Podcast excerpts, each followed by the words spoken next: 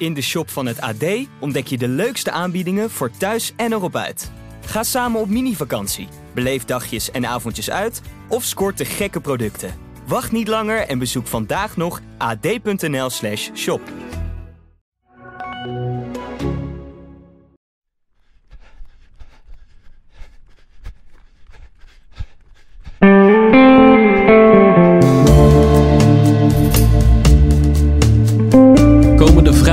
beginnen de WK Atletiek in Eugene in de Verenigde Staten. Erik Brommert, die tegenover mij zit, die gaat het volgen vanaf eh, de buis. Ik, Pim Bel, ik ga die kant op voor het AD om verslag te doen. Ik ga heel de site volpennen en de krant. 9 uur tijdsverschil, dus dat maakt het voor de kijkers thuis wel wat lastiger. Maar er is wel genoeg om naar uit te kijken. Sivan Hassan, een jaar na haar glansrijke spelen. Eh, nou, een, een- volgens mij 37 atleten uit Nederland die die kant op gaan. Waarvan er een aantal gewoon echt, echt gaan meedoen. Nadine Visser, Femke Bol. Eigenlijk alle 400 meter ploegen. Ja, en eh, eh, internationale sterren. Ik noem hem Mo- Mondo Duplantis, bijvoorbeeld. Maar ehm, eh, laten we deze aflevering met Jos Hermes gaan bellen. Die bekend is met die streek, Erik. En eh, waar jij ook wat voetstappen hebt liggen, volgens mij. Zeker, zeker. Ik ben eh, een aantal keer in dat, eh, dat gebied eh, geweest. Beaverton, Oregon, Eugene. Dat is wel een beetje de, de, ja, de bakermat zeg maar, van veel sportmerken. Maar vooral van één groot merk. Hè. Vooral van Nike. Dat is echt de bakermat van, eh, van Nike. Dat is ook eigenlijk misschien wel de reden waarom het WK Atletiek momenteel in eh, Eugene, in het eh, in Hayward Field, op Hayward Field, zoals ze het zeggen, wordt, wordt gehouden. Een legendarisch, legendarisch stadion. Wat al wat meer dan 100 jaar eigenlijk bestaat. Met nog mooie oude banken die gemoderniseerd is. Die het stadion gemoderniseerd is. Prachtig gebied wat alleen maar atletiek en jogging uitstraalt. Het is volgens mij een heel klein plaatsje. Eh, zelfs het AD, toch niet het armste bedrijf, moesten hier de hoge heren toch even achter hun oren krabben toen we het kostenplaatje aan het berekenen waren. Want het is eigenlijk hè, voor, Amerikaanse begrippen zo'n klein plaatsje dat er ook helemaal niet heel veel hotels te vinden zijn. Dus, eh, en ik ben, eh, je weet, ik ben toch een klein sierpaard. Nee, maar bijvoorbeeld, ik, ik kom op een campus terecht te liggen, omdat de hotels gewoon niet te betalen waren. Nee, daar is dat sowieso in Amerika momenteel echt onbetaalbaar. Ja, maar je ja. kan ook niet even kiezen om in Portland te gaan zitten. Weet je wel, dan wordt het toch Ligt- volgens mij iedere Ligt er dag al ander- anderhalf uur boven. wordt het anderhalf uur op en neer reizen. Ja. En het is gewoon een klein universiteitsstadje is het. En, en alles draait daar zeg maar om, om de, de Oregon Ducks zeg maar. Dat zijn eh, dat, dat is het universiteitsteam, basketballers, American voetballers, eh, noem maar op. Er staan wel ondanks dat een klein plaatsje staan er prachtige stadions, basketbalstadions, voetbalstadions, alles alles is er. Maar er is ja, er is heel weinig eh, heel weinig hotelgelegenheid inderdaad. Ja. En eh, ja, er valt niet eh, niet veel te doen wat dat betreft. En ik ben daardoor wel benieuwd of het echt vol gaat zitten. Want de tickets zijn gewoon prijzig. Bijvoorbeeld 180 dollar voor de avondsessie, weet je wel. Met, met de, meestal de belangrijkste onderdelen. Alleen, nou, dat is op zich gewoon een flinke duit uit de portemonnee. Maar als ook daarnaast de slaapaccommodatie niet te betalen is... dan vraag ik me af of zeg maar, het normale volk erop afkomt. Wat je namelijk eh, ongeveer twee weken geleden zag... bij de Amerikaanse trials, die op dezelfde plaats werden gehouden. Dat er zo'n drie, vier, vijfduizend man zaten. Terwijl de capaciteit veel groter is. Ja, ik, ik, ik, maar ik mag toch wel aannemen dat ze er wat aan zullen doen. En als je het niet, Ja. als je, als je het niet vol kunt krijgen, dan ga je wel een of andere actie beginnen met Kinderen, kinderen, of wat dan ook. studenten Ja. of wat dan ook om de zaak vol te krijgen. Want ik kan me niet voorstellen dat ze dit stadion volledig verbouwd hebben. Met als aanleiding dit, dit grote evenement. Hè. Het evenement wat eigenlijk later plaatsvindt dan dat het plaats zou, zou hebben moeten vinden. Had volgens mij vorig jaar al plaats moeten Ja, is vinden. uitgesteld omdat de Spelen ook uit waren gesteld. Dus dat heb je niet voor niks heb je dat, eh, dat verbouwd. De laatste keer dat ik er was, was volgens mij 2016. Nou, toen was het echt gewoon nog het oude Hayward Field. Waren alleen de, de standaard houten tribunes waren er. Maar het is nu gewoon eigenlijk een, een, een volledig gemoderniseerd stadion. Waarbij wel enkele tribunes bij zijn gebouwd die ook volgens mij weer afgebroken kunnen worden. Maar ja, dat zullen ze niet gedaan hebben om het, eh, om het half vol te krijgen. Dus ik, ik mag aannemen Ja. dat de Amerikanen er wel voor zorgen dat er een sfeertje komt te hangen. Ja, en, en eh, ik mag het hopen ook. Want ik heb nu eh, voor het AD de WK Atletiek in Londen gedaan. En de WK Atletiek in Doha. En daar zat toch een, Groot verschil een groot in, in entourage, in Ja. sfeer en in beleving tussen. Kijk, zelfs in Qatar, in Doha, was het op het afsluitende weekend zat het aardig vol. Maar toch, laten we eerlijk zijn, met mensen die eigenlijk geen snars van atletiek begrepen. En dat, dat kan, hè? Af en toe een evenement houden op een plek waar je die sport wil promoten. Alleen laten we eerlijk zijn, in Qatar is het niet echt het promoten van de sport. Dat is gewoon uh, vanwege geld daar naartoe gegaan. Maar in Londen was het zo fantastisch. En ook dan bijvoorbeeld de EK's in Berlijn. In Berlijn. Maar het, het, jaar daarvoor in Amsterdam ook. Dat was echt goed, weet je wel. Dus... Uh, Nee, laat het maar gewoon uh, uh, lekker vol zitten. Nou, daarom zijn dit soort keuzes wel bewust gemaakt. Ik denk dat ze los van een enkele keer in Qatar, dat ze er binnen, binnen de, de World Athletics wel van, uh, van overtuigd zijn dat dit soort evenementen gehouden moeten worden in plaatsen waar de stadions vol zitten. Want uiteindelijk is het dan denk ik niet goed voor de sport als dat niet gebeurt. En, en, en, deze, en, en de heritage die hier plaatsvindt, en misschien toch ook nog wel wat, uh, wat, wat, Nike, uh, wat Nike geld. Wat, nou, ik uh, denk het wel. Is, ja, hè, kijk, Co, Co heeft natuurlijk vanuit het verleden een prima band met Nike gehad. Dus daar, zelfs toen hij zeg maar de grote man werd ja. bij de toen nog de IAF, wat nu de World Athletics heet. Kijk, hij nam het over van een corrupte Senegalees, Lamine Diak. Dus uh, wat dat betreft was er een soort opluchting toen hij het werd. Alleen aan de andere kant werd er ook wel gelijk over belangenverstrengeling met, met het merk Nike gepraat. Nou heeft hij dat daarna een beetje losgelaten en is hij daar niet helemaal met een slechte naam uitgekomen. Maar ja, ik kan me toch niet aan de indruk onttrekken dat, dat Nike een klein streepje voor had, zeg maar. Ja, maar. toch, ik vind het eigenlijk wel een mooie plek. En het is ook, het is ook het, uh, gewoon dat het in Amerika wordt gehouden, is zeer zeldzaam. En Nog nooit gebeurd. Precies, als ik. Precies. Eerste keer. En dat dan even rekenen, zes jaar voor de Spelen in het grote LE.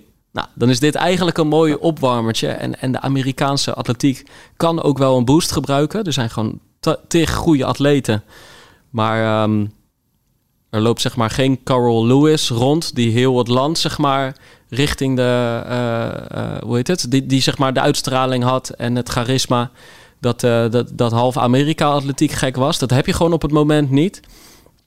Dus het kan wel een boost gebruiken ook. Ja, en er zijn volgens mij wel wat jonge Amerikaanse sprinters die, uh, die elkaar wel graag het leven zuur maakten. Ik zag van ja. ik zag ik eventjes een finish voorbij komen waarbij uh, de een atleet de ander net op de streep pakte en even naar links keek en zei van joh, Weet je, ik ben het eventjes vandaag, niet jij. Ja, Noah Laus. Precies. En uh, die hele, hele jonge, jonge knaap hè, van ja. 18. Ja, ja, ja, precies. Dus, dus ja, daar moet je dus zeker naar gaan kijken wel. bijvoorbeeld. En ik denk ook gewoon wel dat heel veel atleten het tof vinden dat het daar is omdat het toch ook wel echt, echt een atletiek heritage uh, heeft. Dat, dat straalt het echt uit. En ik, ik, volgens mij zijn er zelfs atleten die gezegd hebben... Nou, dit WK wil ik nog wel een keer meemaken. Ja, zeker. Toch? Zeker. Hey, um, uh, we moeten denk ik, we gaan, we gaan zo even Jos Hermes bellen. Maar, en daarna gaan we het nog heel even in vogelvlucht door het schema uh, lopen. Maar toch, heb jij bepaalde onderdelen, bepaalde namen waar je van je nu al zegt, ja, daar ga ik echt, daar ga ik echt voor zitten. Want voor jou wordt het ook opstaan in de nacht, denk ik. Het kan opstaan in de nacht worden. Of het kan gewoon bij het, de telefoon uithouden. Uh, zorgen dat je in de ochtend tijd genoeg hebt en dat je dan dus rustig kijkt zonder dat je je telefoon aangezet hebt. Kijk. Zonder dat ik die verslagen van jou gezien heb. Gouden tip. Toch? Dat, heb ik, ik heb dat ook al tegen mijn ouders even gezegd. een sigaartje pakken gewoon en, uh, wij het, uh, en gewoon s'morgens om acht uur opstaan. En dan, dan kan je die onderdelen gewoon allemaal, allemaal prima kijken. Je moet natuurlijk alleen eventjes niet, niet te vroeg dan zeg maar op die, op die site van het AD kijken, want dan weet je het allemaal al. Mm. Dus dan heb jij natuurlijk al uh, het nodige neergekladderd. Ja. Dus, dus dat moet je niet doen. Dus het zal, ja, het, ik, ik het is gewoon de tijd. Ik heb nog niet gekeken wanneer wat uitgezonden wordt, maar 9 uur tijdverschil. En als de, als de avondsessies zijn daar, dan weet je dat, uh, nou, dat je eigenlijk bijna uh, vroeg in de ochtend. Het kan 5 uur, 6 uur zijn dat er bepaalde nummers zijn. Maar ik, ik heb er eigenlijk helemaal niet naar gekeken nog hoe, uh, hoe laat het in Nederland wordt uitgezonden. grote uitzonderingen zullen de twee marathons zijn. Ja. Want die vinden daar vanwege de temperatuur om kwart over zes is de start. Ja. Van de mannen en van de vrouwen ook. Dat is hier om kwart over drie smiddags. Nou, dus dan kan je in de, in de tweede helft van de middag lekker naar de marathon gaan kijken. Alleen voor de rest echt...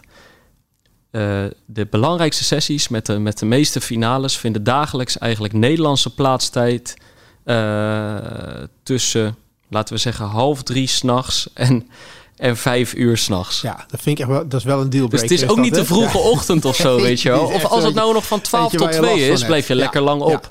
Maar dit is gewoon echt in het holst van de nacht. Dus ik had inderdaad ook tegen Fred en Edith gezegd, mijn ouders, uh, van... Um, ja, ik zou de Erik Brommer tactiek. Uh, ja. toen, toen had, jij, had ik jou er nog niet over ja, gehoord. Ja. Maar ik, had, ik zei gewoon wakker worden, niet op je mobiel kijken.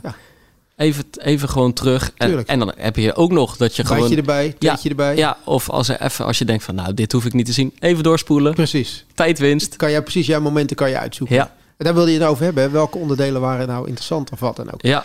Weet je, ehm, ja, Nou ik vind, kijk, de, kijk, de loop, laten we zo zeggen, de loopnummers vinden we natuurlijk allemaal interessant. Wat ik altijd, Wij wat- sowieso, ja, ja. ja. Ja, wat ik altijd interessant vind is, natuurlijk zijn finales interessant, maar ik vind altijd interessant om te kijken series 800 en 1500 meter, want dat is altijd een gevecht. Vind ik altijd tof om te zien wie eindigt er bij de eerste twee. Er is altijd wel een beetje drama, is er altijd wel een valpartij links of rechts. Dus ja, dat, dat vind ik sowieso altijd schuin te naar de tijd, tijd snelste. Tijd snelste nog eventjes kijken. Ja, Ja. precies. Hebben ze het door en wie moeten, wie moeten er doorlopen? En dat vind ik op een 800 en 1500, zelfs op de stiepel vind ik dat wel mooi om, eh, mooi om te zien. Dus dat, dat zeg maar voor de, de, de niet-finale nummers om, eh, om naar te kijken. Ik vind het ontbreekt een heel klein beetje aan echte grote, grote helden, zeg maar, die, eh, die er zijn. Dus ja, ik denk gewoon spannende finales. En natuurlijk ook gewoon ja, wat de Nederlanders gaan doen. Want ik vind de Nederlandse atletiekploeg is nou niet op achteruit gegaan na de Olympische Spelen. Volgens mij, als ik zo kijk, de laatste weken eh, is er zo links en rechts toch wel een beetje progressie geboekt nog. Ja, er zijn echt wel een aantal afwezigen van naam die er altijd bij waren. In, in bijvoorbeeld Moskou al in 2013. Daphne Schippers en Tjurendi Martina. Ja. Er beide niet bij. Eh Jamil Samuel is er niet bij. Suzanne Krumins is er niet bij. Eh, iemand als Nienke Brinkman heeft voor München gekozen. Ja. Dus er zijn een aantal niet. Maar als je, als je gewoon eigenlijk de, de, iedereen die in Tokio kanshebber of finalist was, die is er nu weer. En die zijn er over het algemeen, heb ik het gevoel, niet minder op geworden. Zeker niet. Maar aan de andere kant, die estafette nummers kan het, eh, zoals het in eh, Tokio zeg maar de kant van Nederland uitviel, kan het, hoe goed je ook bent, soms ook net de andere kant uit. Nou, eh, zeker, maar bijvoorbeeld in de mixed finale viel het niet de kant van Nederland Nee. op. Daar werden ze We vierde. hebben nog wat te goed. ja, nou ja, ja, wat- je- namelijk in het eerste weekend heb je gelijk weer de 4x400 mixed. Ja, het is nu al een leuke puzzel hoe die coaches, zeg maar, wie ze gaan opstellen. Of ze die op de 4x4 vrouwen, 4x4 mannen of de 4x4 mixed. En wie ze, eh, zeg maar, eh, eh, een hele drukke agenda in Eugene gaan geven. Want er gaan gewoon lopers zijn. Ik noem een Bonifacia, die, die als het goed is de series halve finale, 400 finale individueel moet lopen. En dan ook nog op 1, 2, 3 plekken, weet je wel, op, op zo'n estafette wordt neergezet. Ja, luxe positie. Remzi? Angela hetzelfde. Die gaat, die, die gaat proberen de finale 400 horden te halen. Waar je ook drie races voor nodig hebt als je, de, als je, als je die finale uiteindelijk ook loopt. En dan ook gewoon de mixed en de, en de mannen waarschijnlijk. Dus eh, nee, daar kijk ik naar uit. Inderdaad gewoon die estafettes. Vooral die 400 estafettes. Nu Nederland daar zo goed, eh, goed meedoet. Verder, nu, nu we hier aan het opnemen zijn, is nog niet bekend op welke onderdelen of afstanden Sifan Hassan mee gaat doen. Kijk, vorig jaar in Tokio deden ze gewoon alle drie. De 1500, de 5 en de 10.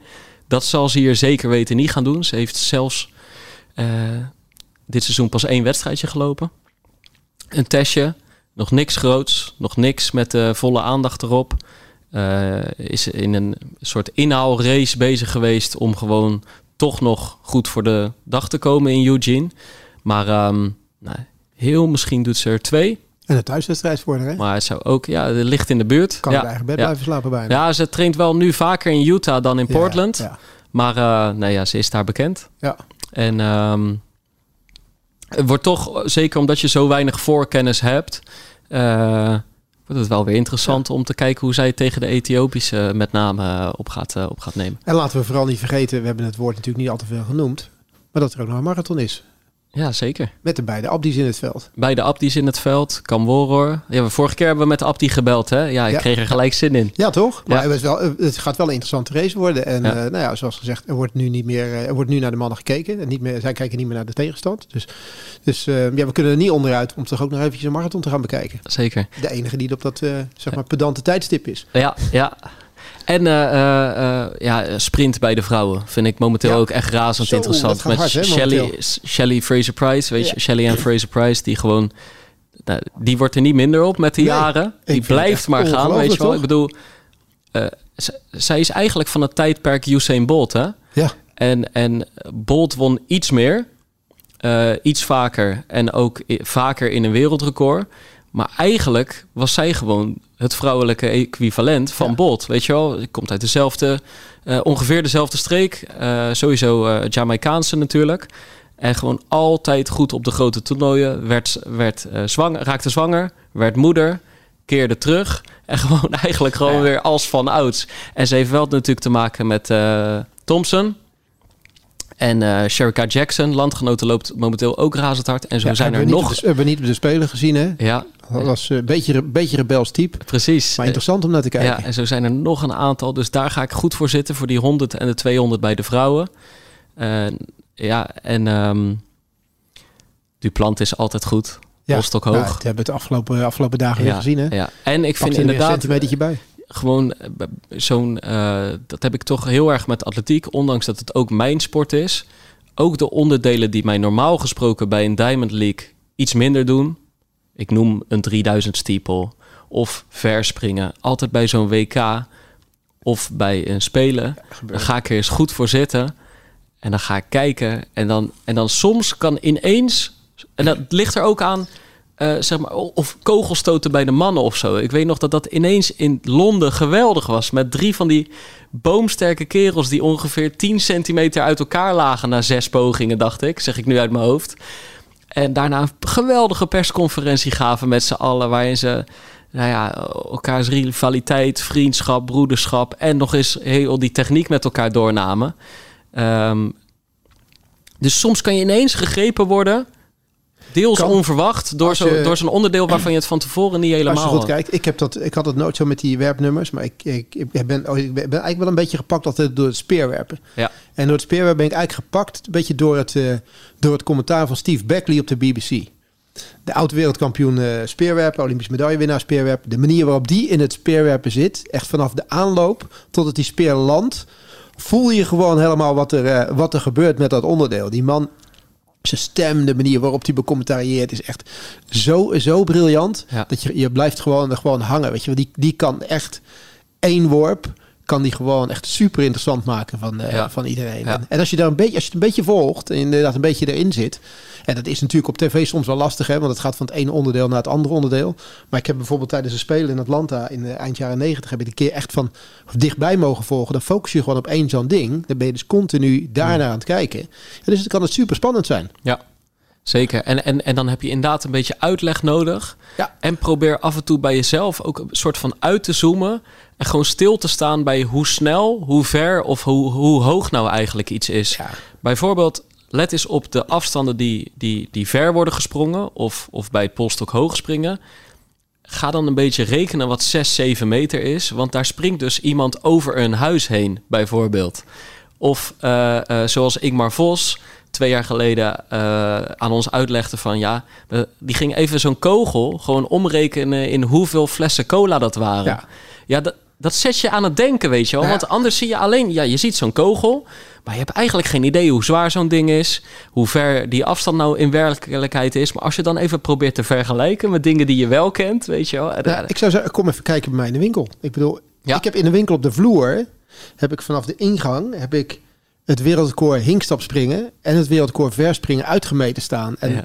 dagelijks zeg maar, staan klanten echt te kijken en verbaasd van, is dit echt zo ver? Ja, En ik heb boven de televisie bijvoorbeeld het wereldrecord hoogspringen staan van 2 meter 43, 44 ja, ja van. Sotomayor. Ja, dat, is, dat is ongekend, dat soort dingen. En zo'n kogel die daar heb ik liggen van 7, meter, van 7 kilo. Je, alleen als je dingen oppakt, denk je van... Ja. hoe krijg je het ding überhaupt over de 20 meter weg? Ja. Je, Bij mij soort- past hij al niet in mijn hand, nee, weet je wel. nee, precies. Ik kan, ik kan hem niet met één hand, kan ik hem niet oppakken. ja. Ja, dat is echt... Dat is, eh, weet je, vaak denk je daar niet zozeer bij, eh, bij na. Maar het, is echt, eh, het zijn ex- extreme prestaties die geleverd worden ja. Echt eigenlijk op het randje van wat, ja, nou ja, wat een mens fysiek aan kan. En wat ik dan, dan ook wel mooi vind, ik had het net over dat speerwerpen, maar tegenwoordig met de camera's die je hebt, al die high-speed camera's, als je bijvoorbeeld bij een speerwerper ziet, bij de afstand, bij de afzet en bij het hoogspringen ook, wat er met enkels van, van, eh, van, eh, van, van, ja, van atleten gebeurt. En met die Ah, pezen. Met die pezen. Nou, Ja. echt, af en toe staat er wel eens een camera op. Je weet echt niet wat je ziet. En dan kan je ook wel voorstellen dat dat soort jongens aan het einde van hun carrière vaak niet helemaal gezond meer door het leven heen gaan. Voor wat betreft. eh, Tijdens eigenlijk al ja, niet. ja, tijdens al niet helemaal inderdaad. Ja, ik heb eh, laatst in, eh, in Apeldoorn eh, NK de laatste tienkamp van Ilko Sint-Nicolaas gezien. Ja, die was gewoon op. Dat was het enige wat hij tegen zichzelf moest zeggen. En, en zijn zus en zijn coach. Iedereen gewoon van wat er ook gebeurt, finish. Weet je wel, neem geen risico's. Nou ja, zijn Achillespezen stonden op knappen. Ehm, hij, hij schoot, het schoot in zijn rug bij het speerwerpen. En hier hebben we het over een voormalig wereldtopper. Europees kampioen uh, in... Uh, ik meen Barcelona, maar misschien ga ik hier nu de mist. Hij is een keer Europees kampioen indoor geweest en zilver op EK outdoor. Beetje tussen de jaren 2010 en 2013 was hij echt heel goed. De jaren daarna ook. Hij heeft op twee spelen gestaan. Ja, de teamkamp, weet je wel. Dan moet je al die onderdelen uh, uh, combineren. Ja. ja. beheersen, maar ook combineren. En daar zitten voordelen aan. Dat je, dat je als je last van je hamstring hebt... in elk geval soms nog wel kogel kan, kan trainen. Maar die, die, ja, die, gewoon het lijf was, was op, weet je wel. Maar het is ook een onderdeel waar je echt gek van wordt als sporter gewoon. We hebben Ingmar Vos hebben we twee jaar terug in de uitzending gehad. Ingmar heeft een tijdje bij mij ook, uh, ook gewerkt. We kennen hem natuurlijk van de atletiekvereniging. Altijd als er, als er vijf, vijf of zes onderdelen goed ging, is er wel een ander onderdeel wat, wat niet goed gaat. Maar wij Nederlanders zijn er wel goed in. Want bij de dames hebben we natuurlijk ook gewoon een favoriete daar. Hè? Dus, uh, ja, zeker. Dus de meest allround atleten zien we op de meerkamp. Ja, hey, en waarom gaan we, uh, uh, even door naar het volgende, waarom gaan we, waarom gaan we Jos Hermes bellen?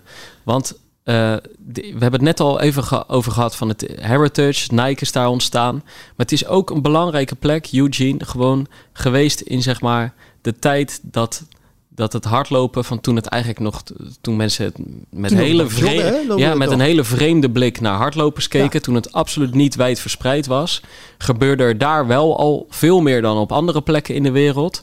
En een beetje in de tijd van Jos, hè? Dus een beetje, een beetje in zijn tijd. Weet je, de tijd dat Jos zeg maar, het beste was, de tijd dat hij zich kwalificeerde voor de, voor de Spelen.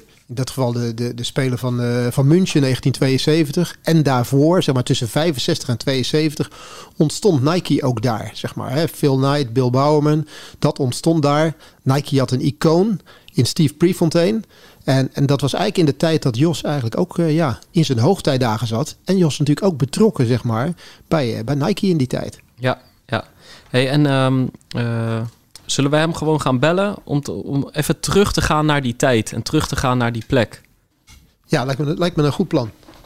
Even kijken hoor, ik ben even alles aan het uh, aansluiten. Oh, we zitten eventjes met, uh, met hoofdtelefoons en zo. Die, uh, koptelefoons, ik zie du duizend verschillende snoeren. Ja, dus maar dat even duurt, maar dat heb je. Mag, we doen dat gewoon. Het maakt niet uit hè, welke je pakt, Erik. Nee, maakt het niet uit. Nee, maakt niet uit. Nee, maakt niet uit, oké.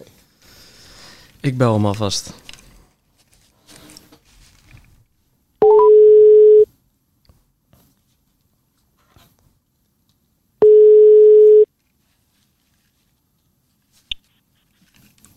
Hey, Pim met Jos. Hey Jos, Pim en Erik hier. Hoi. Hoi Jos. Hoi, hoi.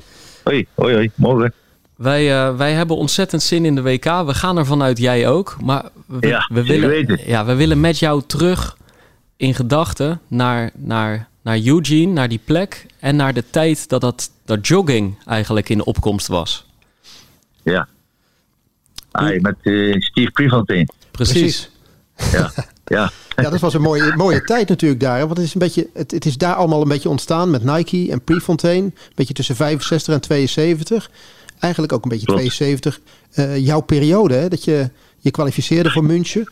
Um, ja, klopt. Ja. Hoe kreeg ja, je dat Steve Prefontaine, Ik heb nog tegen Steve, Steve Prefontaine gelopen. Was een goede loper. Was niet uh, de grootste wereldtopper die er was. Maar die was wel heel erg belangrijk. En is nog steeds belangrijk als een soort uh, idool uh, in, in Oregon en Amerika voor het lopen.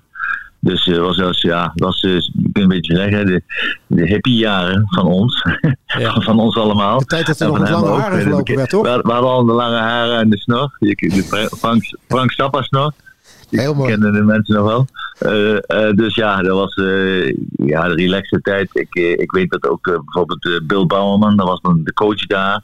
Um, die was ook in Nieuw-Zeeland geweest. En ik trainde toen zelf ook al een aantal jaren in Nieuw-Zeeland. Nieuw-Zeeland was ook een soort bakermat van, van het lopen. En met het, de, de noemen ze LSD, Long Slow Distance Running. En ja, dat kwam allemaal bij elkaar. De wereld was natuurlijk nog wel een beetje, lag wel een beetje verder uit elkaar dan nu met, met ons internet. Maar uh, ja, die, dat gevoel van, van, van de vrijheid van lopen, die er, ervoor, ervoor was dat niet lopen was een beetje raar, was vreemd. Mensen riepen mij ook altijd uh, na, ze hebben hem al. Zo van, uh, jongen, maak je je druk? uh, dus er was, in die tijd werd je een beetje gek verklaard als je liep. En dat, dat sfeertje heerste gewoon in, in Oregon. Werd het ook omgedraaid als het ware door, door Bouwman en, als coach. En door Steve Prefontaine als, als, als beste loper daar.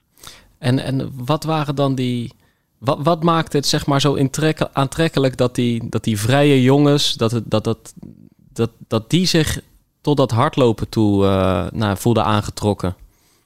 Ja, het is toch een soort meditatie. Hè? Lange afstand lopen is een soort meditatie. Je, als je een uur loopt of een lange en je, en je kunt makkelijk lopen. Je loopt een bepaalde eh, trance. Hè? Van dat je. Ja, ik kan me dan nog goed herinneren. Ik liep uh, soms vier, vijf uur per dag. Hier in de bossen bij, bij Nijmegen en naar Duitsland in. Ja, dan, dan, dan gaat er van alles door je heen. Dus gewoon, je bent gewoon aan het mediteren. Alles wat, wat mensen zeggen. Het, tegenwoordig, wat we vaak zeggen, het hoofd leegmaken. Uh, is een beetje hetzelfde. Je krijgt alles op een rijtje. Je hebt uh, andere gedachten dan normaal. Of dingen die, uh, die, die dwars zitten of moeilijk zijn. Die krijg je daardoor op een rijtje. Ik denk dat veel mensen dat ervaren als ze terugkomen. Van, met fietsen is dat ook wel. Met tegenwoordig mijn fietsen natuurlijk wat meer geconcentreerd zijn vanwege het verkeer. Maar met lopen heb je echt dat, kom je terug en dan heb je echt in je hoofd een, een lijstje van dingen die je hebt bedacht. Of ja, oplossingen voor gevonden. Ja, het is echt een, het is echt een soort, als je, als je loopt op een rustige, uh, erop doen, hè, zeg maar, dat je gewoon kunt, normaal kunt je ademhaling kunt regelen en, en niet in een zuurstofschuld gaat, dan is het een echte meditatie. Ja, dat was, dat was belangrijk natuurlijk. Hè? En dat, dat maakte je ook, ook liefhebber voor het lopen. Maar tegelijkertijd, Jos, um, was je ook wel iemand, er moest ook gepresteerd worden. Ja, ja, nou ja. Eh, ik, ik, ik, ik, las ook een van die kreten van uh, Bouwman over, over. Het ging niet alleen over het winnen, maar het ging over de training van het hart. Dat was in onze tijd, het sporthart, dat was gewoon, gewoon heel belangrijk. En ik had eigenlijk hetzelfde. Voor mij waren wedstrijden eh, niet zo heel belangrijk. Ik vond het lopen en het zwerven in de, in de bossen en, en dat een beetje ja, echt, echt mediteren, dat vond, ik het, dat vond ik het mooiste. En de wedstrijden waren, ja, die moest je eigenlijk doen om, om, om wat ondersteuning nog te vinden. Of misschien ook nog een sponsor te vinden. Uh, dus dus het, was, het was een mengeling. Het was niet zo, zo hard, hard op prestatie gericht. En ja, uiteindelijk ging het wel over grenzen verleggen. Vandaar dat voor mij bijvoorbeeld het uurrecord, het uurrecord werd dan belangrijker. was meer het, individu en, en het grenzen verleggen voor jezelf. En de overwinning was op zich niet eens zo belangrijk als jij in de wedstrijden je persoonlijke record, je, je Nederlands record, zo wereldrecords kon verbreken. Dat was, dat was in die tijd zeker zo belangrijk. En het gaf, gaf gewoon een gevoel van ja, aan jezelf werken en, en, en de volgende stap zetten en die progressie van je met je eigen lijf maken. En hoe belangrijk was zo'n zo'n Bill Bouwman in dat hele, in dat, in dat hele proces, uh, Jos? bedoel, dat was ja, die was al heel belangrijk voor, voor, voor Oregon en Eugene. De universiteit eh, van Oregon natuurlijk in Eugene. Maar voor mij zelf niet zo heel veel, omdat ja, het was ongeveer tegelijkertijd. En ik ben zelf natuurlijk al 1978 uh, eh, moeten stoppen. Dus uh, die is vooral voor die, voor die regio, voor Eugene. En, en het, is natuurlijk het begin van Nike. Uh, Phil Knight en Bill Bauerman waren goed bevriend. En zijn, zijn samen met een paar andere mensen, met voornamelijk Phil Knight, die heeft zakelijk kan gaan. En die zijn dus in 1972 ook pas met Nike begonnen in 72. En 1977 was ik de eerste atleet buiten eh, eh, Amerika die een contract kreeg. Dus het was eerst ook alleen maar een hardloopfirma, of een atletiek uh, firma, vooral hardloopbedrijf, Nike. En later zijn natuurlijk is alles andere erbij, alle andere sporten erbij gekomen. Hey, en ma maakte het, het jou en al die andere lopers waar je tegen liep, onder wie dan Prefontaine, maar ma maakt het jullie uit dat jullie gek werden aangekeken? Vonden jullie tof dat het steeds iets breder omarmd werd? Of um, ja, welk gevoel hadden jullie daarbij? Uh, nou ja, atletiek, bijvoorbeeld wedstrijden in Scandinavië waren hartstikke populair. Uh, het Finland, Scandinavië, Zweden en dergelijke. Daar was, was lopen ook heel groot. Dus daar voelde je ook heel thuis. Daar liepen we graag wedstrijden. Uh, als je normaal gewoon je training, ja, in het bos kom je weinig mensen tegen, maar als je gewoon door de stad of uh, ja, dan, dan, was het wel van mensen een, een raar iets van. Hè? Inderdaad, dat ja, die gingen hardlopen. Je kunt ook wel nagaan na de oorlog. Mensen moesten Nederland en waren aan het herbouwen. Dan gaat, gaat, wie heeft nou tijd om te gaan hardlopen? Dat was een beetje het idee. Er was natuurlijk ook nog niet zoveel ongezonde welvaartsziekten. Dus, dus ja, dat, dat, dat vonden mensen heel raar. En, maar dat, dat, dat, dat steeds beter. Maar dat duurt toch, dat heeft nog een behoorlijke tijd geduurd voordat mensen stopten om te, te roepen van hé, hey, ze hebben hem al. Ja, maar zat jou dat dwars en vond je het dus inderdaad fijn dat het, dat het later uh, wat breder omarmd werd? Of vond je het wel lekker dat je iets eigenzinnigs aan het doen was? Ja, absoluut. Het maakt me niet zoveel uit. Het was inderdaad van, ja, het was een beetje opstandigheid, absoluut. De, de, de, opstandigheid van de 60 jaren, 70 jaren. Uh, tegen het gezag, tegen de, ja, tegen, tegen de regels. Dus de regel was ook, ja, je gaat niet je gaat niet eens een idioot uh, uh, lopen. Je kunt je tijd wat beter besteden. Dus dat, dat, dat, dat gevoel, dat vrijheidsgevoel, dat hippiegevoel, ja, dat, dat, dat speelde ook zelfs ja, tot, tot in de wedstrijden toe. Het was gewoon veel makkelijker. Veel, er was veel meer samenwerking tussen atleten. Er was een bepaald doel, oké, laten we proberen bepaalde tijden te lopen. En er was, was ook gewoon meer ja, vriendschap en de, de, in de zin van ja, elkaar helpen in de race. Met, met rondjes overnemen, kop overnemen, dat soort dingen. Zat, zat er veel meer in. Ik had er veel contact mee in Europa met de Belgen, Castan Roelands, uh, uh, Emiel Puttemans. Dat waren de, ja, de mensen die wereldkoers liepen. En dat, was, dat was, wel, ja, was wel een heel fijne sfeer in, in als je samen wedstrijden inging. Ja, en uiteindelijk, Prefontaine is natuurlijk ontzettend vroeg overleden, op zijn 24ste, aan een auto-ongeluk. Ja. Wat gebeurde er toen in die loopwereld, die nog betrekkelijk klein was? Ja, dat was natuurlijk een grote shock. En later hebben we natuurlijk met Ivo van Dam hetzelfde gehad. Uh, in nou, 76 was het natuurlijk ook Ivo van Dam als grote loper in België die ook een auto-ongeluk kreeg. Dus ja, dat was, dat was een, ja, een enorme shock van. Ja, en maar ook, ook gewoon wat is er gebeurd. Dat is eigenlijk nooit precies duidelijk geworden. Het schijnt s'morgens vroeg te zijn geweest. Uh, dus is er iets met de auto gebeurd. Dus die, ja, dat was dat was wel een dingetje. Maar de, de werelden waren wel gescheiden hoor. Amerika was en Europa. Er kwam natuurlijk wel Amerika naar Europa om te sporten en te lopen. Maar het was toch veel meer, eh, veel meer gescheiden dan, dan eh, de heden dagen. Ja. Jos, hoe ervaarde je het lopen in Amerika? Heel veel anders dan, dan in Europa, waar je spreekt dat, dat, er, hè, dat jullie, jullie liepen met de, met de Belgen, met Puttemans, met de Scandinaviërs. Hoe was dat in Amerika? Als je, hè, bijvoorbeeld in Eugene. Het, um...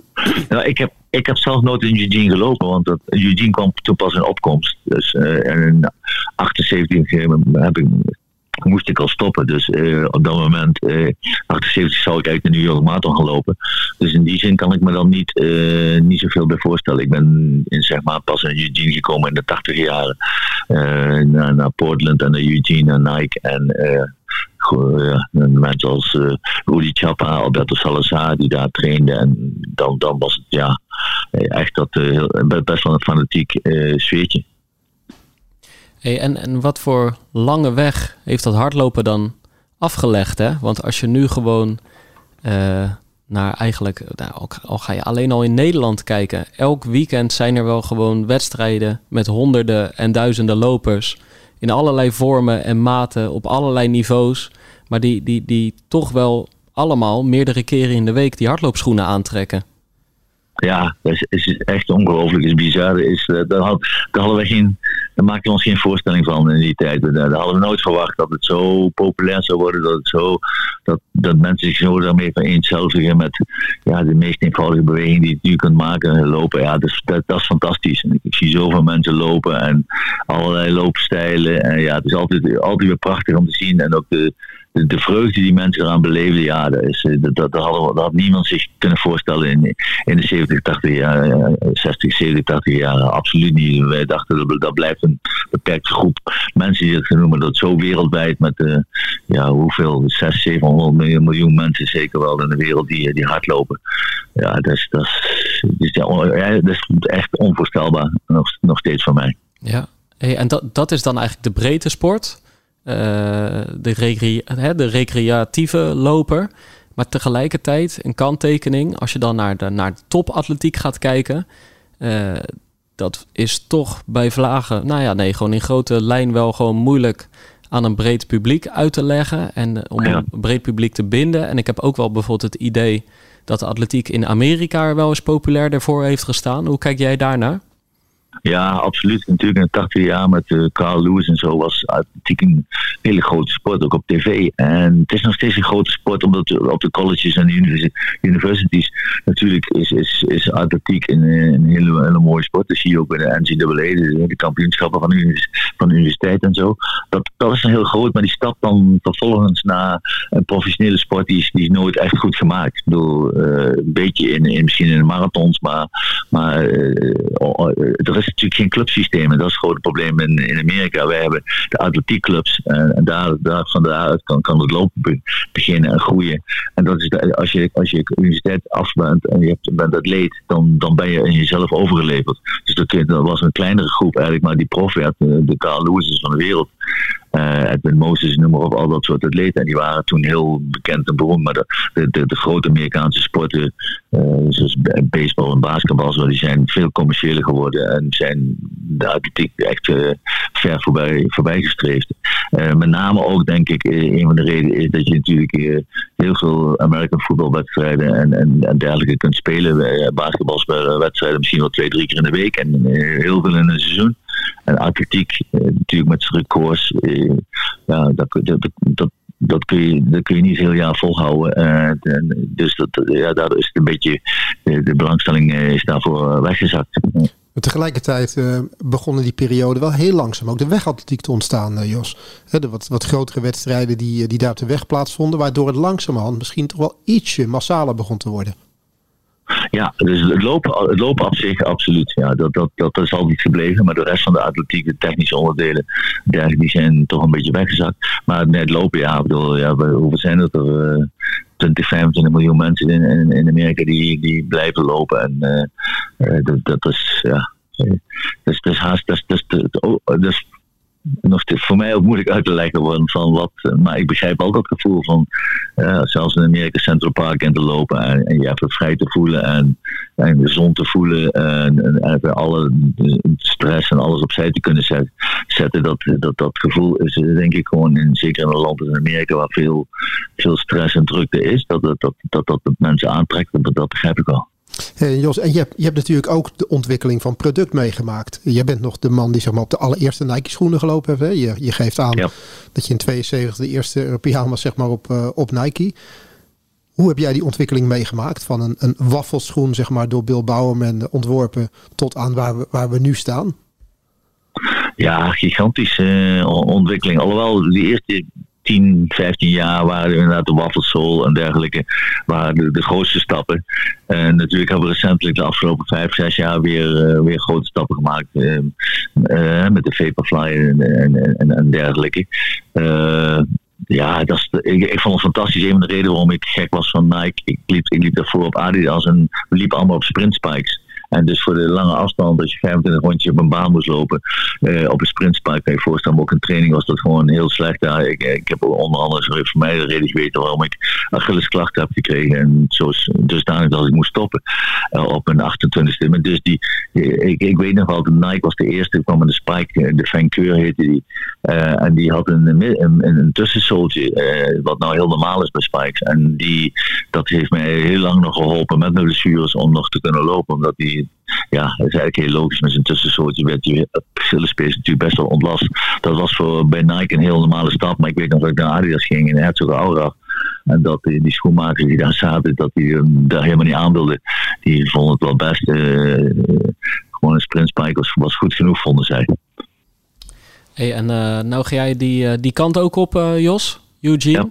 Waar, kijk, jij bent daar natuurlijk uh, voor Global, uh, het management, atleten begeleiden. Maar naar wie of wat ga jij met name kijken? Ja, natuurlijk, de hele wedstrijd is fantastisch. Wij gaan daar met ongeveer 60, 70 atleten uit 12 verschillende landen naartoe. Met natuurlijk Sivan Hassan vanuit Nederland, Abdi Nageyev, uh, Jessica Schilder tegenwoordig op school hartstikke mooi natuurlijk. Maar ook heel veel natuurlijk Afrikaanse atleten ja, uh, voor mij zijn natuurlijk de lange afstand, de middellange afstand lopen is nog altijd het, uh, meeste wat mij meest aantrekt. En zeker met Sivan afstand bij de dames is het natuurlijk prachtig. Ook al wat je uh, op dit moment is, ze dit, dit jaar laat kunnen beginnen met de training. Dus gaat allemaal nog een, ging allemaal een beetje moeizaam. Dus ook, ook spannend van hoe staat zij ervoor straks in Eugene. Ik verwacht dat ze wel weer goed, goed zal zijn. En ja, dat soort dingen. Maar dus zo heb je dan die relatie heb je natuurlijk met heel veel atleten. Ik zeg, we gaan met 60, 70 atleten uit 12 verschillende landen naartoe met een heel team van, van Global. En daar is het prachtig nieuw stadion is er gebouwd uh, op Hayward Field. En ja, dat, dat, dat hele sfeertje. En van de andere kant is het ook wel grappig. En het is een kleine stad relatief. 170.000 inwoners. Dus je kunt lekker op fietsje uh, naar het stadion. Ze is totaal anders dan alle grote wereldsteden waar tot nog toe de, de, de, de, kampioenschappen zijn geweest. Natuurlijk van uh, de grote steden in de wereld, Tokio, uh, Londen, noem maar op. Ja, hey, en nu wij elkaar spreken, heeft Sifan uh, Hassan nog geen keuze gemaakt uit de verschillende afstanden, uit de 1500, de 5 en de 10. We hebben er nog niet op een wedstrijd gezien. Uh, het is wel een apart jaar voor haar, echt een soort tussenjaar.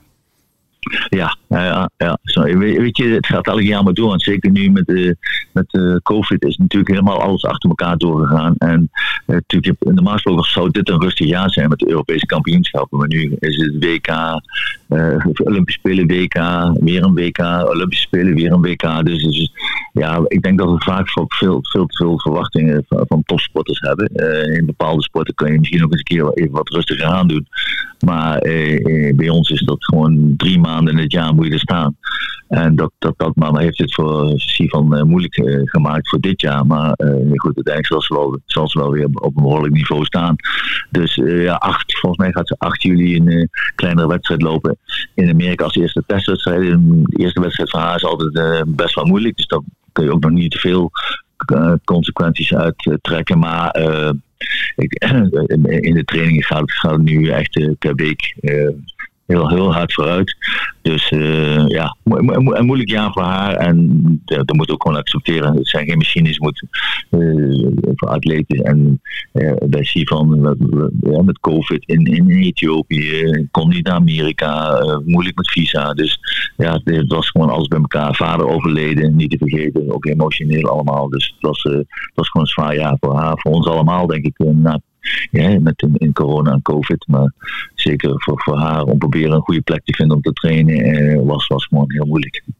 Ja, en dan Jos, dan, dan is dit jaar uh, een week atletiek, terwijl eigenlijk geen week atletiek had moeten zijn. Hè? Had een soort tussenjaar moeten zijn met alleen een, een, EK. Betekent dat dan ook dat de algehele bezetting misschien iets minder sterk is dan, uh, dan je dat in andere jaren gewend bent? Of? Ja, ik heb, ik heb wel een beetje de indruk aan wat, wat er vooral gebeurt. is toch ook een hele nieuwe lichting, uh, lichting nieuwe atleten. Dus uh, ja, weer, weer, weer andere atleten dan. Je, hebt natuurlijk vaak vier jaar, in, in onze sport is de cyclus van tussen Olympische Spelen die vier jaar heel belangrijk. Dan, nou, Tokio is mensen hebben zich nog een beetje uitgerekt, als het ware, nog een jaar erbij geknoopt. Die wilden stoppen eigenlijk. en, om Tokio nog te halen vorig jaar. En dus er zijn ook een aantal uh, mensen dan gestopt en, en ook weer een, een, nieuwe lichting atleten die eraan komt. Dus het is moeilijk, een beetje moeilijk in te schatten. De prestaties zijn eigenlijk toch nog wel heel, heel erg goed. Dus uh, op een hoog niveau op, op, heel veel onderdelen. Dus wat dat betreft uh, komt, komen er altijd weer nieuwe talenten. Ja. Alleen denk ik voor ons, alleen voor onze sport is het op een of andere moeilijk om, om ze echt helder te maken. Hè. De, de, de, de Boekka's en de Carl Lewis van vroeger, dat, dat, dat is wat, dat is wat moeilijker. Dus je hebt uh, natuurlijk Duplantis, uh, Mondo Duplantis in, in Polstuk hoogspringen, maar we hebben eigenlijk meer, meer namen nodig. En goed, dat, dat is natuurlijk met Femke Bol in Nederland fantastisch, met Sivan, uh, uh, Athena Gea ook, maar dus ja... het is, als, je, als je niet zoveel wedstrijden kunt lopen, is het moeilijk om van mensen een, een, een held te maken. En ik vergelijk het wel als een voetbalspeler wordt in één wedstrijd meer genoemd dan veel, veel van onze atleten in een heel jaar. Nou, een, atleet die een marathon loopt, loopt twee, twee per jaar. Elliot Kipchoge, ja, hoe vaak word je genoemd in die marathon? En wie kijkt daarnaar? Dus het is best wel een uit, grote uitdaging. Uh, vandaar dat wij ook met uh, een running team zijn gekomen met heel veel filmpjes, documentaires. Uh, om, om, om een achtergrond te laten zien. Maar ook, vooral aan al die, al die joggers, al die mensen die, die in de vrije tijd lopen. En, en ook zoeken naar uh, beter spoeisel, betere voeding, betere trainingsmethodes. Uh, op hoogtetraining. Wat doet dit? Ja, dat, dat maakt het natuurlijk hartstikke interessant. En het is natuurlijk ook lastig om, om die nieuwe talenten waar je het over hebt in de atletiek te kunnen laten debuteren of ervaring te kunnen laten opdoen. Want je hebt natuurlijk een systeem in Amerika bijvoorbeeld waar gewoon trials gelopen moeten worden. Dus echt even zeggen van we gaan deze jongen brengen en we laten hem ervaring opdoen. Dat is er vaak ook niet bij. Ze moeten er ook gelijk staan. Ja, absoluut. absoluut. Je hebt uh, verschillende atleten die dan ook zijn trials niet halen. En dan die, er zijn grote talenten die kunnen dan niet eens meedoen. Ja, dat, dat, is, dat, dat, dat, is een probleem. Absoluut. En dat is altijd op het hoogste niveau. Kijk, in, in, in, in voetballen kan zich nog eens een keer een tijdje verstoppen. Of in veel sporten. Of wielrennen concentreert zich op de Tour de France of een bepaalde periode in het seizoen. Alhoewel dat ook een beetje aan het veranderen is. Natuurlijk tegenwoordig. Maar ja, in de atletiek eh, eh, buiten in de zomer eh, weersomstandigheden en, en het is maar drie, drie maanden, dan, dan is het moeilijk om, om je echt goed te profileren. Ja, ja. Toch hebben we er zin in, Jos. Absoluut, ja, gaaf. mooie, mooie wedstrijden en goede sfeer. In Amerika, Eugene is een aparte stad. Dus nee, absoluut. Je, je vergelijkt natuurlijk toch altijd met andere sporten. Maar het is, het is en blijft de moeder van alle sporten. En eh, prachtig wat, uh, wat, wat, die, wat de jonge atleten, wat die, wat die, wat die allemaal kunnen, kunnen aan, aan prestaties. En gewoon ook als je gewoon kijkt naar de bewegingen en dergelijke, wat er gebeurt, is fantastisch. Ja, zo is het. Hey, dank voor, voor, voor eigenlijk de geschiedenisles. En, uh, en toch ook wel gewoon de actualiteit. En alle insights. En uh, ik ga je daar zien, Jos. Oké, okay, bedankt. Dankjewel. Aan. Goed hè. Hoi hoi. Hoi hoi. Hoi hoi. Hoi hoi. hoi. Ja, hij raakt uh, heel veel gevoelige snaren en uh, uh, raakt heel veel belangrijke thema's, hè, stipt hij aan. Zeker, zeker. Maar hij is natuurlijk ook de man die ehm, ja, atletiek van het begin tot het eind heeft meegemaakt. Hè. Als je dit hoort in 72, waar het misschien eigenlijk allemaal echt een beetje begon vanaf het moment dat er eigenlijk nog helemaal geen aandacht was voor het hardlopen, voor de atletiek, tot aan, tot aan dit moment. En tegelijkertijd natuurlijk ook gewoon een innovator. Hè? Want um, zonder Jos Hermes, zonder zijn, zonder zijn ideeën om, om, om vooruit te lopen, om naar de toekomst te kijken, was er ook nooit een poging geweest om een marathon onder de twee uur te lopen. Dus wat dat betreft is, is Jos altijd bezig geweest om te vernieuwen, om te kijken hoe de sport op een andere manier onder de aandacht gebracht kan worden hoe het beter zichtbaar wordt. En ja, eh, niemand met, met zoveel, zoveel ervaring en, en, en al zo lang eigenlijk met, met deze sport bezig. Want ja, al, al 50 jaar zeg maar gewoon heel actueel op het hoogste niveau actief in, in deze sport. Ja, er zijn niet veel mensen die, uh, die je daarin kunt opnoemen. Nee, nee. Hey, moeten we inderdaad gewoon de Nederlandse ploeg anders nog een beetje doornemen? Ja, is misschien Kijk, wel, het, het, het, schema doorlopen heeft nog niet zo heel veel zin. Omdat bij sommige atleten, als Sifan Hassan, het gewoon echt nog ook een beetje de vraag is of ze nou, hè, op welk onderdeel ze nou uh, uit gaat komen. Maar haar naam is in elk geval al genoemd. Nou ja, uh, Jos liet de naam net ook al vallen van Femke Bol. Die uh, komt natuurlijk. Hè, je moet, we moeten gaan kijken in welke 400, 4 keer 400 races zij wordt opgesteld. Uh, ik denk dat ze er gaan bewaren voor de, voor de finales. Uh, maar die 400 horden zit eigenlijk ver, ver, in het schema. Pas aan het einde van de. Uh, zeg maar aan het einde van het toernooi. Niet op de laatste dag, maar wel. Het is al, het is al even aan de gang dan. En kijk, elke keer als mensen een bericht op teletext of in de krant lezen of de fanatiekelingen naar Ziggo kijken, dan wint zij een Diamond League wedstrijd. Hè? Het is gewoon, ze is daar, ze, ze is daar ongeslagen. Ja, alleen, dat is eigenlijk niet hoe beeld, het, Ja, het is niet hoe de zaken ervoor staan. Als we naar de Spelen hebben gekeken, was brons echt het maximaal haalbare voor Ja, ze zat wel ruim voor de nummer vier, maar toch. Maar toch, er was een groot gat. Ja. En de twee belangrijkste concurrenten heeft ze volgens mij nog niet, is ze volgens mij nog niet tegengekomen. Nee, het is, het is, ik, ik vind dat wel echt het grote nadeel van atletiek. En het raakt ook aan het thema wat Jos net aanstipte. Namelijk, uh, ze kunnen nu eenmaal niet zo heel veel races lopen. Maar het is ook nog eens, wat natuurlijk mooi is, maar het is een mondiale sport. Uh, waar dus atleten zich over heel de wereld bevinden.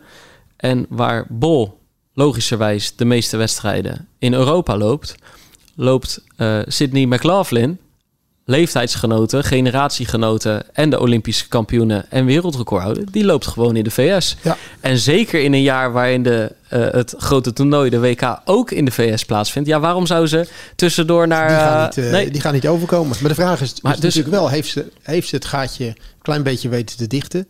Zijn, uh, zijn de concurrenten nog net zo sterk als vorig jaar?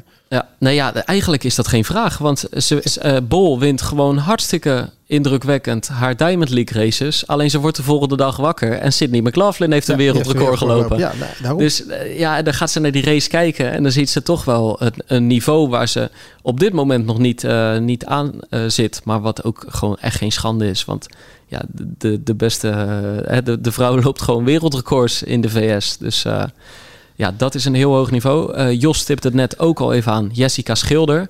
Dat vind ik wel echt leuk. Kijk, wij kijken heel vaak naar de looponderdelen. Maar hier hebben het over het kogelstoot, hè? Ja, vorig, vorig jaar heb ik al ehm, de opkomst van uh, uh, Jorinde van Klinken beschreven op de discus. Die overigens in de VS woont en daar grote stappen zet. nou, nu heb je, toen kwam Jessica Schilder in de kogel ook al een beetje op. Nu zijn ze daar allebei uh, op de WK bij. En die gaan echt niet zomaar op het klopt podium. Dat, klopt het dat er zelfs drie bij zijn?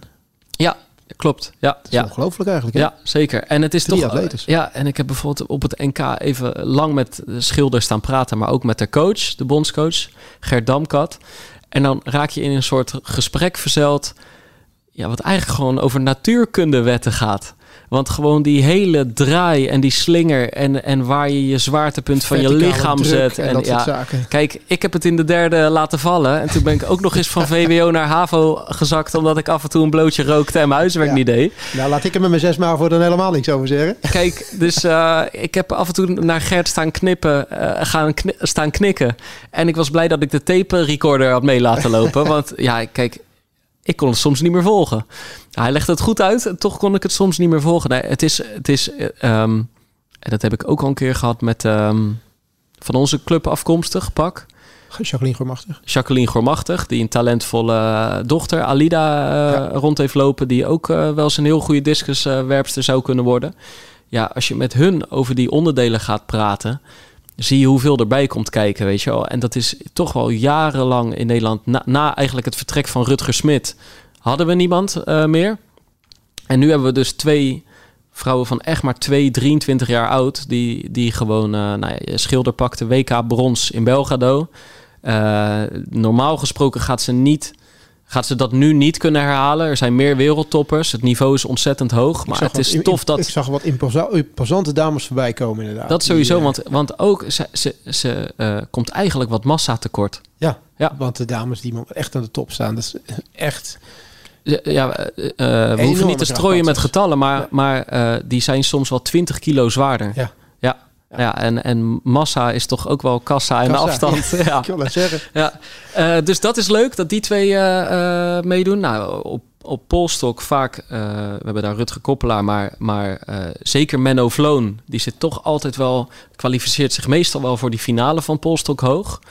Het is bij hem toch een beetje wachten op zo'n uitschieter. Zoals Rens Blom die ooit gehad heeft. Nou, die ging uiteindelijk echt met WK-goud weg. Ik was zo. Maar ik heb het idee dat hij, hij, hij... Het zou wel eens iets moois kunnen worden op een toernooi. En met Duplantis ga je niet op de eerste plaats eindigen. kan op een nummer als Polstok springen. Hè? Daar kan ja. iemand een slechte dag hebben. Nou was toen dat WK-goud ontstond natuurlijk wel in ont, onder ontzettende slechte weersomstandigheden. Ja. Waar dat, waar dat gebeurde. Maar het, het is wel een nummer waar, uh, waar, waar een verrassing zou kunnen ontstaan. Ja. Op de nummer 1 na dan. Zeg maar. Ja. Nou, de marathon met, uh, met Ab, die gaan we gewoon goed voor zitten natuurlijk. Vriend van de show die daar uh, los mag gaan op volgens mij een parcours van 13 kilometer. Ja. Uh, dus het is een, een ronde gaan ze, gaan ze afleggen. Ja, wat, wat sowieso weer leuk wordt, is de zevenkamp bij de vrouwen. Met opnieuw Vetter. Anouk Vetter en Emma Oosterwegel. De dames die tweede en derde werden in, in Tokio. Belgische Nafi Tiam doet uiteraard weer mee, maar ook een, een ander mooi gezelschap. Ja, en jij had het al over die 800 en 1500 meter series. En waar ik wel echt benieuwd naar ben, is Tony van Diepen. Ja. Want die, die, uh, die heet op Instagram al jaren Tony Two Laps. Maar we zagen hem altijd maar One Lap goed lopen. Ja, maar dit jaar? Dit jaar, ik echt... Heeft hij over de Two Laps goed gedaan? Hoor. Kijk, Grete Koens, zijn trainer, die we ook voormalig uh, Pacer-gast in de podcast... Hè, um, die heeft altijd gezegd, ja, hij loopt nu goed op die 400. Hij haalt al medailles met die 400 estafette. Maar wacht maar, heb geduld. Uiteindelijk wordt die 800ste afstand. Het kwam er gewoon nog niet echt uit. Zij zag blijkbaar al genoeg in trainingen. Zag genoeg aan zijn lichaam. Zag hoe hij daarop reageerde. En die heeft altijd het geloof gehad van als, als hij wereldtop wil worden, dan moet het op de 800 gebeuren. Nou, daar zijn wat jaren overheen gegaan, alhoewel die nog best jong is. Hè? Mhm. Maar dit seizoen begint het te klikken. En hij doet nu ook bij grotere wedstrijden echt goed vooraan mee om de winst. En hij is eigenlijk, ik ben, ben benieuwd, want misschien komt dit toernooi nog net te vroeg. Misschien is het al wel het toernooi voor de doorbraak op de 800 voor hem. Ehm, maar, maar wat zijn wapen is, is hij is eigenlijk voor een 400 meter loper is hij niet bijzonder snel. Als je die gasten op een 100 of een 200 meter loslaat, wordt die zoek gelopen. Maar op de 800 meter, ook als je wereldbreed gaat kijken, zijn er misschien maar één of twee sneller dan hem op de 400. Dus als je hem meeneemt, dan heeft hij gewoon een geweldig eindschot. Ja, maar nogmaals, eerst die series doorkomen. Nou ja, het is gewoon. Want eh, kijk, zijn uitdaging is ook geweest dat positioneren, de concentratie, de aandacht erbij houden, de juiste keuzes maken. Ja, jij weet hoe, wat voor elleboogwerk dat is. We hebben laatst Bram Sommer nog over gehoord. Enorm. Ja. Ja. Ja, ja, je, ja je, je, kan, je kan het ook niet helemaal aan het toeval overlaten. Dus, maar je, je, zou, je zou zeggen met, uh, met het voorjaar wat hij gehad heeft in aanloop naar, uh, naar, naar, deze WK's toe, naar deze WK toe, zou zeg maar het halen van de finale toch wel een haalbare zaak voor moeten, moeten kunnen zijn. Maar goed, dan zal hij wel twee keer heel attent uh, moeten zijn in, in de series en zich niet moeten laten, niet, niet moeten laten verrassen. Want je zal maar net in dat boemelrace terechtkomen met, met drie sprinters erin ja, dan, uh, dan kan het wel eens, wel eens lastig aflopen. Ja. ja.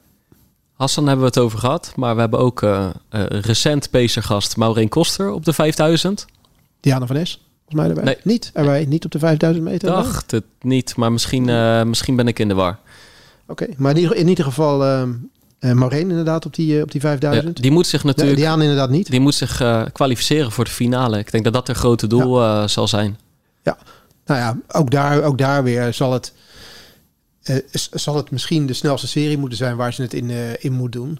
Want ik weet, ja, in die bommenrace kan het, hè, met haar 1500 meter achtergrond. Ja, kan ze een goed snelheid. laatste stuk hebben, hè, kan ze een goed laatste stuk hebben. Dus maar ja, ook daar weer, ja, je moet net even het geluk hebben. Strategisch, welke serie zit je? Weet je wat je moet lopen van tevoren voor tijd? Zit je in de eerste serie of niet? Dus. Um... Ik, ik sprak haar nog in Apeldoorn, nadat ze eigenlijk de 1500 met nou, toch wel speelsgemak had, uh, had gewonnen. Eigenlijk nog de favoriete afstand. Uh, maar wat, uh, wat mooi was om te zien, ze was daar in die hele week alleen maar met de WK bezig. Dus, dus op, op zondag kwam ze de 1500 meter lopen. Die won ze. Maar ze kwam in die week op, volgens mij, op 140 of 150 kilometer uit. Met bijvoorbeeld maandag twee keer een uur lopen. Volop omvang. Een paar dagen daarna vertrok uh, de hele groep uh, naar, naar Flagstaff voor de laatste hoogtestage. Dus dat NK, nou, een mooie prikkel, blij met de winst. Maar dan zie je ook inderdaad, en dat, dat mogen recreanten ook doen, hè, dat je gewoon, je bent wel bij een wedstrijd en, en daar wil je even leveren. Maar je bent eigenlijk al bezig met het grote doel een maand of vijf Daar of zes moet- weken verder. Dat, ik bedoel, als, als mensen straks in, in oktober de marathons in Eindhoven en in eh, Amsterdam gaan lopen, bijvoorbeeld. Ja, denk daaraan als je vijf weken eerder de Dam tot Dam loopt. Daar kan je dingen, uitpro- kan je dingen uitproberen. Je Ja. kunt eens kijken hoe of wat. En dat, eh, Nou, dat en dat je misschien niet beetje, in of toch? top shape hoeft te nee, zijn. Nee, maar dat, dat hoeft ook niet. Hè? Want dat, dat, is wel, dat is wel een atletiek. Atletiek is echt een sport waarin je moet pieken. En dat is, in, dat is in heel veel sporten zo. Maar in deze sport is het natuurlijk echt zorgen dat het lijf op het juiste moment in de juiste vorm is. En, eh, en zeker ehm, op, op een WK, waar, je natuurlijk, waar het niet om één race gaat, waar je meerdere races moet lopen. Dus je moet je lijf ook, ook niet voorbereiden op die ene race, maar wel op drie races die er gelopen moeten worden. Of twee races in een paar dagen tijd. Waarbij je misschien wel twee keer volle bak moet, eh, moet gaan om uiteindelijk überhaupt de finale te kunnen halen. Ja, zeker. Eh Bonifacia, denk ook een man met een drukke agenda. Ja. Eh, verraste toch wel met, eh, in Tokio met de finale plaats, ook individueel. Zou die weer die finale kunnen halen? Is moeilijk op dat ik dacht dat hij daar zevende werd toen. Ja, En ik vond dat eigenlijk dat hij daar stond, vond ik echt al een wat, wereldprestatie. en wat je in die finale zag, was dat toen ook ergens wel het beste er al af was. Hij liep eigenlijk eh, in, in sommige andere races in Tokio beter dan in die finale. Eh, hoewel hij daar zeker niet, niet slecht liep. Nee. Maar het, ik ben benieuwd of hij dat nog een keer gaat doen. Het zou gewoon weer een stunt zijn als hij daar weer staat. Eh, Lieke Klaver ben ik benieuwd naar. Die is, geselecteerd op de 4 keer 100 de 4 keer 400 waarvan wellicht ook de mix erbij komt. Ja. En dan de 400 eh, los. Ja, dat, maar de eh, 400 individueel gaat toch stukje bij beetje... zie je ze eigenlijk schuiven naar die, naar die 50 seconden. Hè? Ja. Die, om, die, om, die, om die keer... eh, Het is, hè, het is nog een halve seconde volgens mij om die, eh, Ja. die barrière te breken. Maar ze komt in de buurt. ja, mooi om te zien. Ja, over de eerste 200 hoef je je geen zorgen te maken. Dat laatste stukje moet eh, steeds beter worden. Maar dat ziet er wel steeds beter uit. Ja, en dan, ehm, dan missen we eigenlijk eh, eh, nog, nog één eh, echt grote naam. En als het er lukt om zich te kwalificeren, dan op de laatste zondag, dus zondag 24 juli, om vijf over twee s'nachts, de halve finale van Nadine Visser op Ja. de 100 meter horde. En dan even kijken, om vier uur s'nachts of 's ochtends, dus maar net eh, hoe, hoe jouw ritme loopt, eh, ehm, de finale. En eh, ja, die, die werd eigenlijk die werd vijfde in Tokio. En daar was ze zwaar teleurgesteld over. Wat Ja. wat zegt over hoe zij haar kansen ziet. Ja. Hè? Ja. Tegelijkertijd moet ze nu nog wel een paar stappen maken, zag ik. ja, weer de in hamstring in de aanloop. Nog niet helemaal... eh, maar goed, het is volgens mij wel work in progress. Dus eh, misschien piekt ze op het juiste moment. Kijk, ze, ze eh, kwam toen terug van een eh hamstringblessure. En nu heeft ze in aanloop naar dit seizoen ook last van de hamstring gehad. Eh, dat lijkt toch wel een, een zwak punt in haar lichaam te zijn. Alleen tot op heden lukt het er dan altijd wel om er toch op dat toernooi weer te staan. En, en het is ook echt, echt een sterk bezet onderdeel. Hè? Dus, dus als het daar weer lukt om in die top 5 te lopen, Ja, of misschien zelfs op het podium, dan is dat echt, Dat is echt een goede Maar prestatie. ze weet wel, het is om toernooien te lopen. Dus Ja. die ervaring heeft ze inmiddels.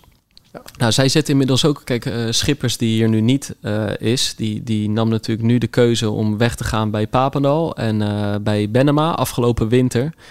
Zij zit daar inmiddels ook al zo lang. Hè? Al meer dan tien jaar werkt ze samen met Bart Benema. Dus uh, natuurlijk is, zijn daar veranderingen, hebben er veranderingen in die samenwerking plaatsgevonden. Maar om aan te geven hoe lang zij al op het hoogste niveau uh, uitkomt. Of wel een mooi toernooi wat eraan zit te komen. Zeker. Ja. En, en wat ook niet onbelangrijk is volgens mij. Jij gaat voor het eerst sinds, uh, nou, sinds wel, wel, twee jaar naar een, naar een toernooi toe. Waarin je je redelijk vrij kunt bewegen. Niet bang hoeft te zijn als er een loopband op de kamer staat. Nee. Je geen stress van tevoren of er wel gelopen kan uh, worden. Nee. Je komt echt in het hardloopmekka van Amerika kom je terecht. Ja. In de jaren zeventig wel de jogging capital van de United States genoemd. Ja. Eugene. Ik ga er denk ik weinig joggen, maar ik ga er heel veel lopen. Ja, dat denk ik wel. Ja, nee, is echt ik, prachtig. Ik, ik, neem gewoon twee of drie paar uh, schoenen mee. Zoek een paar mooie trails uit. Ja, en kijk, je hebt daar dus, dus hier vindt het steeds in de avond en de nacht plaats. Maar daar heb ik vaak te maken met een ochtend slash middagsessie en een avondsessie. Nou, ik, ik, ik ga druk hebben, maar ik, ga ook, ik zie genoeg mogelijkheden om gewoon lekker te gaan lopen. Uit, uh, er schijnt een, een Prefontaine trail te zijn. Uh, ik, ik denk dat ik de, de, de, het marathonparcours ga lopen. De, ja, die, die, ronde van 13, 13 kilometer. kilometer. Nou, ja. Misschien loop ik hem wel twee keer, kom je op 26 uit. Ja. Weet je wat je zou kunnen doen? Weet nou. je, nou, je bent er toch vroeg. Als je dat kommetje nog wil pakken, dan moet je het, uh, dan moet je het op tijd doen. Want ik als kan de maar mannen erover, Ik wil het zeggen. Ja. als de mannen eroverheen zijn geweest, dan is het klaar. Dan is het klaar, ja. Maar misschien, maar... Is het al een, misschien is het wel een mooie uitdaging om te kijken of er wat staat op dat rondje. Dat je zo'n mail krijgt van uh, Geoffrey Camworor... Uh, heeft je kommetje afgepakt. Ja, dus nou ja, dat. Ja, me meestal baal je van zo'n mail die binnenkomt, ik weet zou, je wel. Ik zou het maar eens even checken waar het op, ja. waar het op staat. Want het parcours is natuurlijk al bekend. Het zal me niet verbazen als wat Amerikanen het rondje al gelopen hebben. Ja. Maar ik, misschien is het wel een mooi momentje. Kijk, je hebt toch niet, toch niet zoveel wedstrijdjes nu meer. Om eventjes een momentje uit te gaan zoeken. Ja. Dat jij jezelf goed voorbereidt. Goede warming-up. Het rondje kent. Bijvoorbeeld een keer gefietst. Hè, want Jos doet alles op de fiets. Misschien een fietsje huren daar. Even een parcoursje rijden. Van tevoren kennen. En dus even kijken wat... Uh, wat het te halen valt daar. Ik vind het geen, uh, geen slecht idee. Goed, toch? Ja, zeker. 13 kilometer. Ja, de prima afstand. Nee, doen. Zeker. Nee, ik, ik heb ook gewoon ook zin om daar ja. te gaan lopen. Vraag Jos mee op de fiets. Ja. Dat is mooi. Ja. Op zo'n op zo'n vouwfietsje. Ja, dat doet hij hoor. Ja, dat denk ik ook wel. Zou hij zomaar tijd voor maken? Ik Ja. zie het wel. Het is een mooi beeld. Ik zie het. En, eh, temperatuur heb ik eigenlijk nog helemaal niet naar gekeken. maar het zal, het zal wel gewoon warm zijn, toch? kan warm zijn. Ja. Dat, eh, dat sowieso. Ja. Nou, ik ga het niet op dag 1 van mijn jetlag doen. Maar wij spreken nu af dat ik dat rondje ga lopen. Hoe dan Ja, ook. Ik zou, het- nou ja, ik zou het eh, gelopen hebben bij het op niveau, zeg maar. Voordat de mannen eroverheen gaan. ze gaan vroeg. Oh, Ja, Maar dat zo- maakt niet ja, uit. ja, Nee, het je, wordt je mooi. moet er vroeg Wordt bij mooi. zijn. Maar je hebt, je hebt de tijd, dus ik vind het een mooie, mooie uitdaging om eventjes even te zien. jij pakte pas de brommertactiek eh toe. Gewoon Ik, eh, op zich vroeg een wekkertje. Maar niet om die wedstrijden te halen. Maar om vervolgens de Nee. tijd en de ruimte Nee. te hebben Nee. om gewoon... eh, toch? Ja, gaan we een keertje bellen nog eh, tussendoor? We gaan nou, la- één of doen. twee keer, Eén of twee denk keer ik. toch? Eventjes tussenstandje, even kijken hoe het, eh, hoe het daar is, hoe je het ervaart. Ja. Even een keer op die houten tribunes gaan zitten daar, die zijn er ook nog. Het is niet alleen dat mooie nieuwe deel van het stadion, maar je moet vooral even kijken naar die oude houten tribunes die daar nog staan. Waar die mensen op zitten. Dat is de mooie plek op de lange zijde die je eventjes mee moet pakken. Ik, eh, ik ga er rondsnuffelen. Zeker doen. Nee, ik denk de, de, de eh, komende vrijdag of zaterdag ligt er een report, reportage vol couleur lokaal in de krant. Kijk. Ja, ja, ja, ja. ja. Hey, strik erom, denk ik Ja, toch, lijkt Erik? mij, eh, lijkt me wel. Strik erom en eh, kijk er naar uit. Ja, ja, ga kijken, blijf luisteren, blijf lopen en tot de volgende Pacer. De next pacer. In Zo is geval, het. toch? De next Pacer. We zijn alle, alle talen, hè? We Toch? spreken hier alle talen. Tuurlijk. We gaan gewoon de volgende gaan we internationaal. Ja. In het, ja, ik, denk niet dat we hem in het Engels gaan opnemen, maar... nee, maar we, we, we gaan de grens over. Weer, we moeten weer over de grenzen gaan bellen. Weet je wel. We moeten over die, over die oceaan heen. En dan gaan we eens even bellen hoe jij eh, ervoor staat daar. Zo is het. Later. Dit is de gevreesde zoemer die na 60 seconden pitchen afgaat. Lukt het startende ondernemers om binnen deze tijd hun businessidee uit te leggen aan een vakkundige jury? Welkom op de stip. Ben je er klaar voor om jouw pitch te gaan geven? As ready as can be, ja. Ik ben er klaar voor. Denk het wel. Ik, Fabienne de Vries, neem jou mee in Droomstart. Die klok maakt je wel zenuwachtig. Een unieke podcastserie van de ondernemer waarin we ambitieuze Nederlanders volgen bij het starten van hun eigen onderneming. Ik kan me niet voorstellen dat iemand hier komt, ik ben beter dan Google. Maar wat ik wel weet, is dat zij het niet doen. En jij bent erbij. Vanaf die eerste spannende pitch tot aan de meest cruciale momenten van hun weg naar succes. Ik heb nooit geleerd om te zeggen van, eh, oh, ik ben het waard. Volg Droomstart in je favoriete podcast-app en mis niets van dit unieke kijkje achter de schermen. Droomstart is een initiatief van de ondernemer en podcastbureau As We Speak. In de shop van het AD ontdek je de leukste aanbiedingen voor thuis en erop uit.